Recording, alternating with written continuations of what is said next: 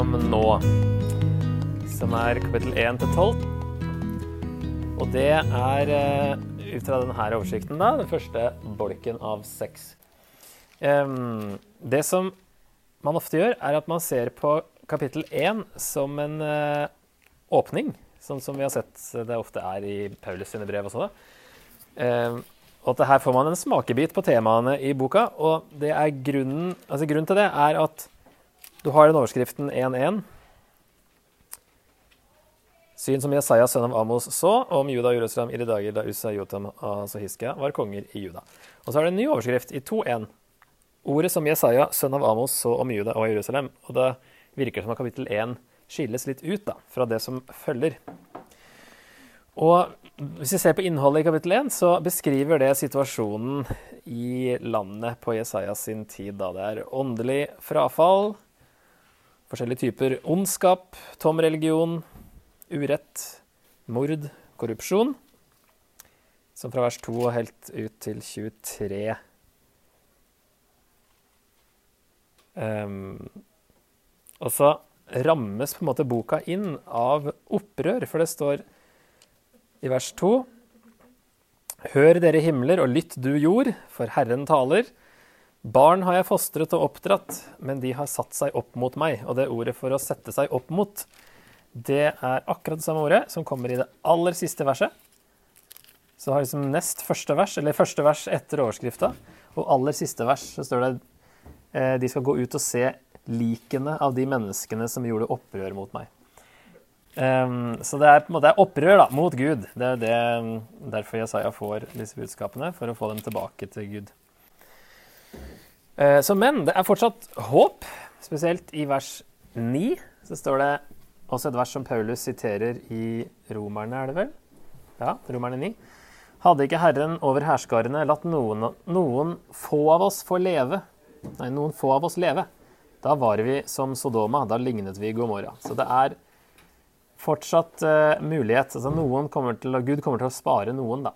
Og det er en mulighet for tilgivelse og gjenopprettelse hvis de er villige og lydige. Det kommer tydelig fram da i vers 18-20 her. Um, Kom, la oss gjøre opp vår sak, sier Herren. Om syndene deres er som purpur, skal de bli hvite som snø. Om de er røde som skarlagen, skal de bli hvite som ull. Hvis dere er villige og lydige, skal dere få spise det gode i landet. Men er dere uvillige og trassige, skal dere fortæres av sverd. Da får de valget der, da. Det er en sjanse. Løsningen er en renselse. Det står i vers 16.: Vask dere, gjør dere rene. Få de onde gjerningene bort fra mine øyne. Hold opp med å gjøre ondt. Lær å gjøre godt. Så vask dere, gjør dere rene. Og så enda mer fra vers 24. Derfor, det er jo etter at all synden er ramset opp, så står det i vers 24. Derfor sier Herren, herskarenes herre, Israels mektige, ved jeg vil ta igjen med motstanderne mine og hevne meg på fiendene. Jeg vil løfte hånden mot deg, rense slagget ditt med lut. Det er altså snakka om sølvet ditt er blitt til slagg i vers 22. Hvis dere husker fra naturfagstimene hva slagg er for noe. Det er vel avfallsstoffet når man eh, renser sølv, tror jeg. Sånn at eh, slagget ditt eh, skal Gud rense eh, med lut og skille ut alt bly. Så det er en renselse som skal skje. Og så jeg vil gi deg dommere som i gamle dager, rådgivere som i begynnelsen. Altså at det skal skiftes ut. Det skal kalles den rettferdige og trofaste byen. Um, og det er jo både fysisk ved eksilet en renselse. Og som sagt, det var bare noen få dedikerte som kom tilbake.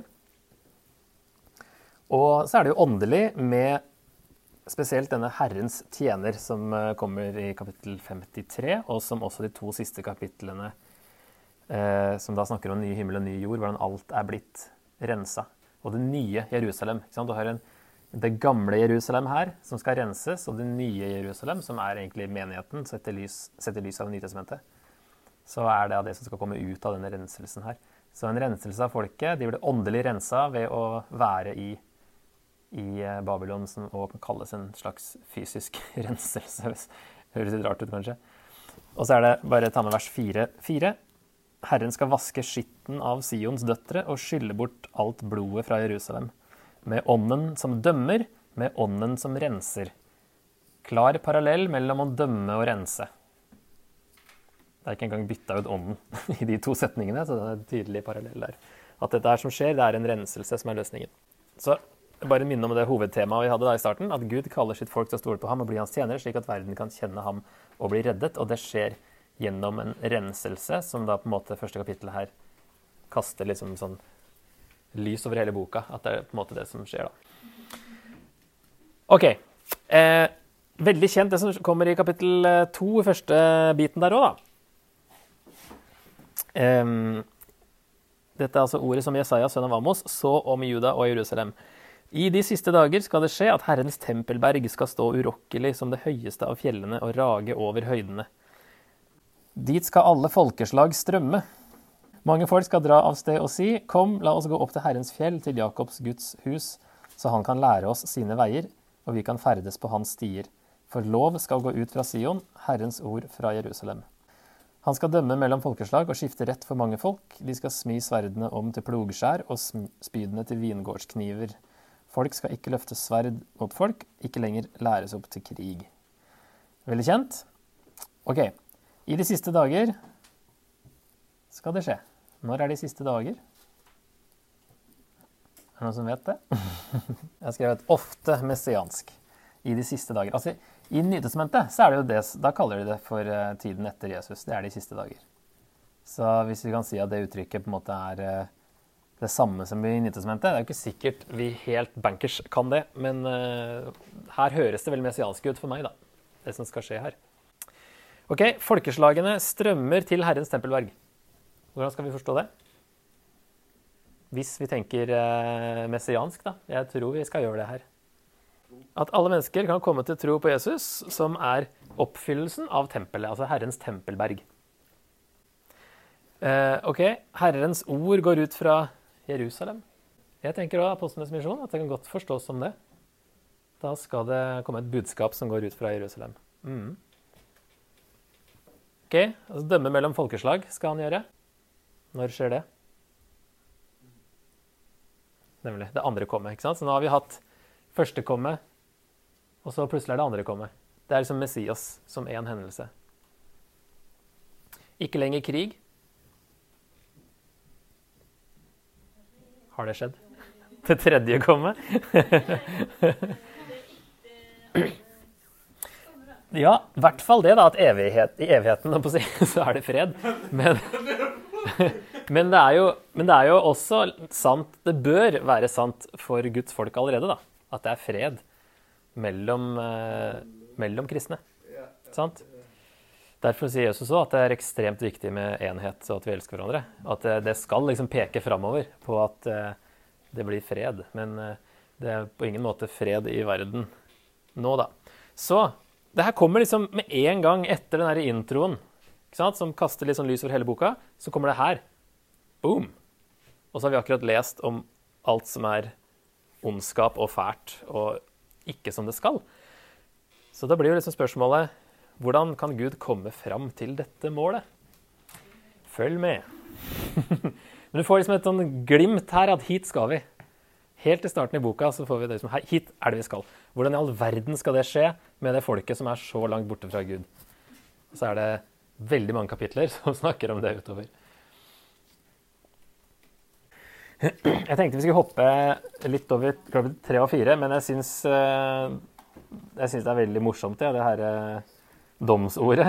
Selv om det ikke var så morsomt for dem å høre det. Men eh, det her med til Sions døtre fra 3.16 og utover.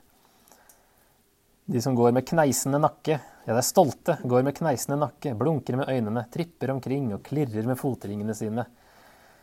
Da, fordi de gjør det, altså vil Herren la Sions døtre få hodet fullt av skurv og Herren vil snaue skallene deres. Også en lang oppramsing her om alle de der tingene som skal tas. Fotringene og solsmykkene osv. Og, og så da blir det stank i stedet for godlukt. Reip i stedet for belte. Flintskalle i stedet for frisyre. Sekkestrie i stedet for stas klær. Svimerke i stedet for skjønnhet. det er jo komisk, men eh, det var jo alvor. Men det er liksom, legger ikke noe imellom, da. Skal få skurv og flintskalle i stedet for alt det jåleriet. Så um, uh, Så vi ser på kapittel fem. Der har vi denne sangen om Herrens vingård. Jeg vil synge om min kjære venn, en sang om min venn og vingården hans. En vingård hadde min kjæreste venn, med den feteste jord. Han hakket den opp og plukket ut stein og plantet den fineste vin og bygde et vakttårn i midten. Også en vinpresse hogg han ut. Han ventet seg gode druer, men druene han fikk, var beske. Så står det i vers 7 at uh, dette er vingården til Herren over hærskarene. Det er Israels hus, og menneskene i Juda er hans kjæreste hage. Han ventet rett, men se, det kom blod. Rettferd, men se, det kom skrik. Så denne sangen her er altså om Gud og hans folk, kan vi si. Her nevnes både Israel og Juda. da. Dette er jo bildet som brukes i lignelsen av Jesus. Når det er snakk om en vingård der, sant? vingårdsarbeideren og sånt, så er det en vri på denne kjente sangen her fra Jesaja, der vingården er et bilde på Guds folk. Så bruker Jesus det også. Um, ja, og her ser vi at Gud gjorde alt klart for at de skulle bære frukt. Han hakket den opp, plukket ut stein, plantet fineste vin, bygde vakttårn, vinpresse. Venta seg gode druer. Hadde gjort alt. Men fikk bare dårlig frukt. Blod og skrik i stedet for rett og rettferd. Vers 4 står det Hva mer kunne gjøres med vingården min enn det jeg alt hadde gjort? Der. Hvorfor ventet jeg meg gode druer når druene jeg fikk, var beske? Så han, Gud hadde gjort alt som trengtes da. Dommen kommer i vers 5 og 6. Hva skal jeg si dere Nei, nå skal jeg si dere hva jeg vil gjøre med vingården min. Jeg tar bort gjerdet så den blir til beitemark. Jeg river ned muren så den kan tråkkes ned. Jeg skal gjøre den til ødemark. Den skal ikke beskjæres og lukes mer, men torn og tistel skal gro. Og jeg skal nekte skyene og la regnet falle på den.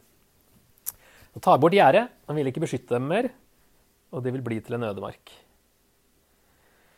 Så det var del, eller kapittel 1 til 5. Sant? Det var eh, der vi snakka om problemet. Selv om du får noen glimt, par glimt av målet, så er det da eh, mest kanskje Vi kan si det på den måten, kanskje, da. At de beskriver i hovedsak problemet med folket. Um, så før Jesajas kall i kapittel 6, så er det bare Jeg skal ta raskt videre i kapittel 5, så er det seks sånne V-rop.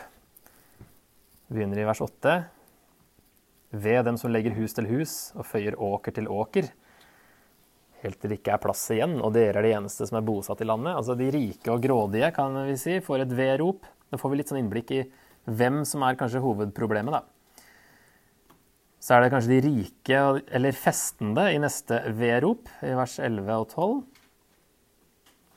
De som jager etter sterk drikk fra tidlig morgen av og som har lyre og harpe og håndrom og fløyte og vin på festene sine. Høres litt sånn rikt ut, da. Og så eh, kommer det videre ned for så vidt og med de fremste skal sulte i hjel, står det i vers 13. Der eksilet også nevnes. Så er det et vedrop til de som tror de skal unnslippe dommen, og som ser på Gud nesten som sin tjener. Vers 18 og 19. Nå må han skynde seg å få gjort det han skal, så vi får se det står det i vers 19 der. Nå må planen til Israels hellige snart gå i oppfyllelse, så vi kan kjenne det. Det handler om oss, liksom. Nå må snart gjøre det, så vi får se det. kan, kan tolkes sånn. Og fjerde, til de som snur opp ned på Guds vilje. Ved dem som kaller det onde godt og det gode ondt. De som gjør mørke til lys og lys til mørke. Bittert til søtt og søtt til bittert. Og femte, i vers 21, ved dem som er vise i egne øyne og kloke i egne tanker, altså de som tror de vet bedre enn Gud. Og så er det siste til eh, kanskje det kan kalle de drikkende, korrupte dommerne. Som er helter til å drikke vin, djerve karer til å blande sterk drikk, som frikjenner den skyldige mot bestikkelse, men tar retten fra den rettferdige. Så litt sånn eh, Se på de V-ropene, hva det dreier seg om. Hva som er Hvem som er hovedskyldig i uh, Jerusalem og Juda på den tida. Så da, 1-5, så kommer vi da til Jesajas kall. Og da er liksom spørsmålet hvorfor kommer dette ikke før nå i boka? Er det fordi det ikke skjedde før nå, eller er det plassert her med en teologisk hensikt? Og det kan jo være at han ikke, altså at han har hatt noen budskap før han opplever dette her. Det er jo mulig. Um, eller at han har plassert det her med en vilje. Uh, med vilje. Så, men uansett da, så får det en teologisk hensikt. Uansett om det er kronologisk eller ikke, så passer det veldig godt at det kommer her, fordi det gir løsningen på problemet som vi har sett på nå i første fem kapitlene, som da utbroderes videre i boka. Og løsningen er folket må, sånn som Jesaja i kapittel 6, skal straks lese det, men de må innse at de ikke kan gjøre noe med problemet. De må, som Jesaja, bli renset og sonet for, slik at de kan bli sendt. Så her er vi i Jeg kan ta et punkt til. At det er en slags Kall det en hengsel mellom kapittel 1-5 og kapittel 7-12, som det også kronologisk henger sammen med, altså kapittel 7-12. Det fortsetter liksom der, da. Så det med Ahas som den nye kongen. Fordi kapittel 6 er i det året da kong Ussia døde. Det er en interessant eh, detalj da, at han tar med det. Det året han døde. Hvorfor ser han det her akkurat det året Ussia døde? Så eh, hvis vi leser kapittel 6 I det året da kong Ussia døde, så jeg Herren sitte på en høy og opphøyd trone, og kanten på kappen hans fylte tempelet. Så tror jeg nok den tronen kanskje er heller altså over tempelet, kanskje i himmelen. For det er bare kanten av kappen som fyller tempelet. Så det høres ut som at det er litt større og litt høyere opp enn at han ser Gud inne i tempelet. Et annet type tempel. Det er kanskje sånn med vilje en sånn blanding mellom det himmelske tempelet og det jordiske tempelet. Da. Litt tvetydig, men det høres veldig mektig ut. Serafer sto overfor ham. Hver av dem hadde seks vinger. Med to dekket i ansiktet, med to dekket i føttene, og med to fløy de. De ropte til hverandre, Hellig, hellig, hellig er Herren Sebaot. Hele jorden er full av Hans herlighet. Røsten som ropte, fikk boltene i dørtersklene til å riste, og huset ble fylt av røyk. Da sa jeg, ved meg, det er ute med meg, for jeg er en mann med urene lepper, og jeg bor i et folk med urene lepper. Og mine øyne har sett kongen, Herren over hærskarene.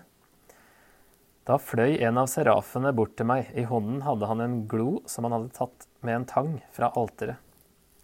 Med den rørte han ved munnen min og sa, Se, denne har rørt ved leppene dine. Din skyld er tatt bort, og din synd er sonet. Da hørte jeg Herrens røst. Han sa, Hvem skal jeg sende, og hvem vil gå for oss? Jeg sa, Jeg, send meg. Han sa, Gå og si til dette folket, dere skal høre og høre, men ikke forstå, se og se, men ikke skjønne. Gjør dette folkets hjerte fett, gjør ørene tunge, og kleb øynene igjen, så de ikke kan se med øynene, ikke høre med ørene, ikke forstå med hjertet, og ikke vende om og bli helbredet. Da sa jeg, Hvor lenge, Herre? Han sa, Til byene ligger øde og folketomme, og det ikke er mennesker i husene, og landet ligger som en ødemark. Og Herren skal sende menneskene langt bort, øde og forlatt skal landet bli. Er ennå en tiende, tiendedel tilbake, skal også den brennes opp som når en eik eller trebinte blir felt, og bare en stubbe står igjen. Den stubben er en hellig ett. Så det er en ganske mm, kraftig opplevelse, tror jeg, han hadde her, da. Som han daterer til det året kong Ussia døde. OK. Det året kong Ussia døde, er det noen som har noen tanke på hvorfor han nevner det? Og det er jo da, hvis vi regner Jesaja sitt, sin profettjeneste fra siste året til Ussia, at det er det han inkluderer Ussia for i første verset. At han var liksom starta helt på slutten av Ussia sitt, uh, sin regjeringstid. Og så dør Ussia. Ikke sant? 52 år på tronen. 740 ca. Det er en ny situasjon for de fleste som er i live. At det kommer en ny konge. Det er veldig få som sikkert har uh, levd uh, i hvert fall de fleste er ikke gamle nok til å huske så mye av den forrige kongen. Og de var sikkert spente på kong Ahas og på Asyria, som holdt på å eh, vokse. ikke sant? Det var stabilt og godt under Ussia, og så dør han, og så er det OK, hva, hva nå? Hvor skal vi sette vår tillit? Og hva ser Jesaja i dette kapittelet? Ordet konge nevnes et eller annet sted her. Ved meg, osv. Mine øyne har sett kongen. Ikke sant? Så Jesaja ser at den virkelige kongen er Gud selv, som faktisk fyller hele jorden med sin herlighet. Kappen fyller tempelet. Hele jorden er full av Guds herlighet, altså Guds det er nær, nærværet som var i, i tempelet, i det aller helligste. Det fyller egentlig hele jorda. Gud er større enn de fleste har tenkt. Tenker jeg, Blant folket så tenker at Gud er mye mindre. Gud er kanskje i tempelet, kanskje ikke. Men eh, så får Jesaja se at han, er, han fyller hele jorda. Og det er han som er kongen. Ikke sett for mye lit til Ahas, og heller ikke til Ussia, som nå er borte. Altså Det er ikke det det kommer an på, det er Gud som er kongen, som de må stole på. Men budskapet vil ikke bli mottatt, står det. De kommer ikke til å høre. Og Det er kanskje derfor Jesaja spør hvor lenge skal jeg holde på, hvis de fleste ikke vil høre. Og så virker det som at budskapet da, skal vare til eksilet i Babylon. Selv om Jesaja ikke levde så lenge, så er det da kapittel 40 og utover som er budskapet som skal vare så lenge. Til byene ligger øde og ødemark osv. Det som skjer, er altså at han eh, får sonet um, Den serafen altså det, er, det, betyr egentlig Det er, forstås ofte som en engel, da, eller engler. Um, himmelske vesener, står det her, som tjener Gud. Hebraisk saraf betyr å brenne. Og det brukes om flyvende slanger. Eller fjerde Mosebok, er det vel. Nei, nei vers, eh, ja, 30 vers 6.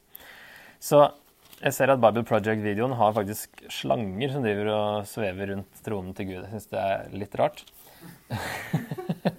men, eh, men, det betyr Det brukes som slange, det brukes som brennende. Så det kan kanskje ha noe dobbel betydning som vi ikke er helt sikre på. Men det som er interessant, er at denne brennende Eh, det brennende vesenet må til og med bruke tang for å ta i denne gloen.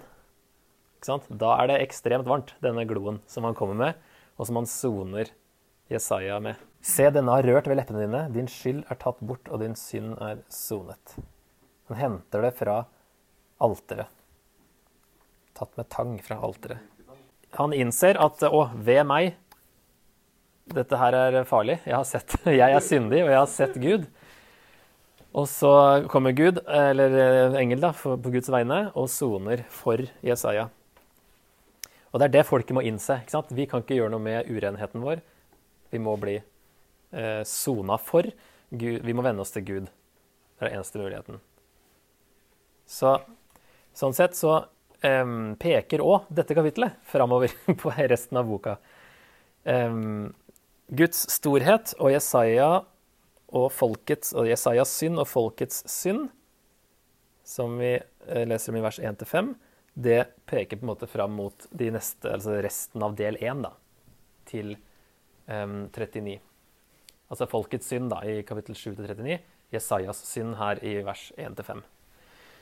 Så det at Gud renser, det er Guds villighet og makt til å utfri sitt folk som da Jesaja blir et eksempel på, det er kapittel 40-55. Der, han, der det er sona for, altså deres skyld er sonet og betalt. Og den lidende tjener nå som kommer og, og blir et skyldoffer. Og så er det kanskje til slutt da, den vanskelige virkeligheten med å være Guds tjenere i uimottagelige omgivelser. Jeg er plutselig litt usikker på om det er et ord. Men i hvert fall litt sånn eh, motstand da, i omgivelsene. OK, bra. Uimottagelig. Ja. Um, der Jesaja får høre at ingen kommer til å høre på deg. Uh, og det er, kan knyttes da til siste elleve kapitlene med, når de er tilbake i landet, hvis det skal forstås sånn. da, Og så er det ikke så lett som det kanskje kunne høres ut. Så det her blir jo et viktig kapittel som eh, Veldig viktig for Jesaja som person og, og for boka utover. Så da tenkte jeg siste sju minuttene, så da tenker vi litt på oss sjøl. Hva med oss? Israels hellige, som det uttrykket da, som brukes 25 ganger i Jesaja, ellers bare 6 ganger i GT. Det brukes av Jesaja altså mest. Det virker som om opplevelsen i kapittel 6 preget ham resten av livet.